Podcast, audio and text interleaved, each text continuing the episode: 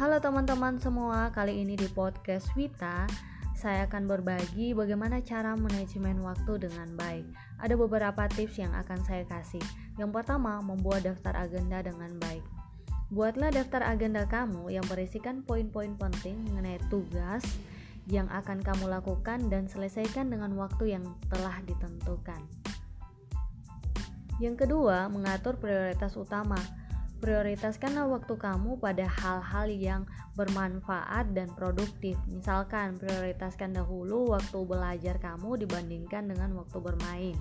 Yang ketiga, jangan pernah menunda-nunda waktu, karena waktu sangat berharga dalam hidup.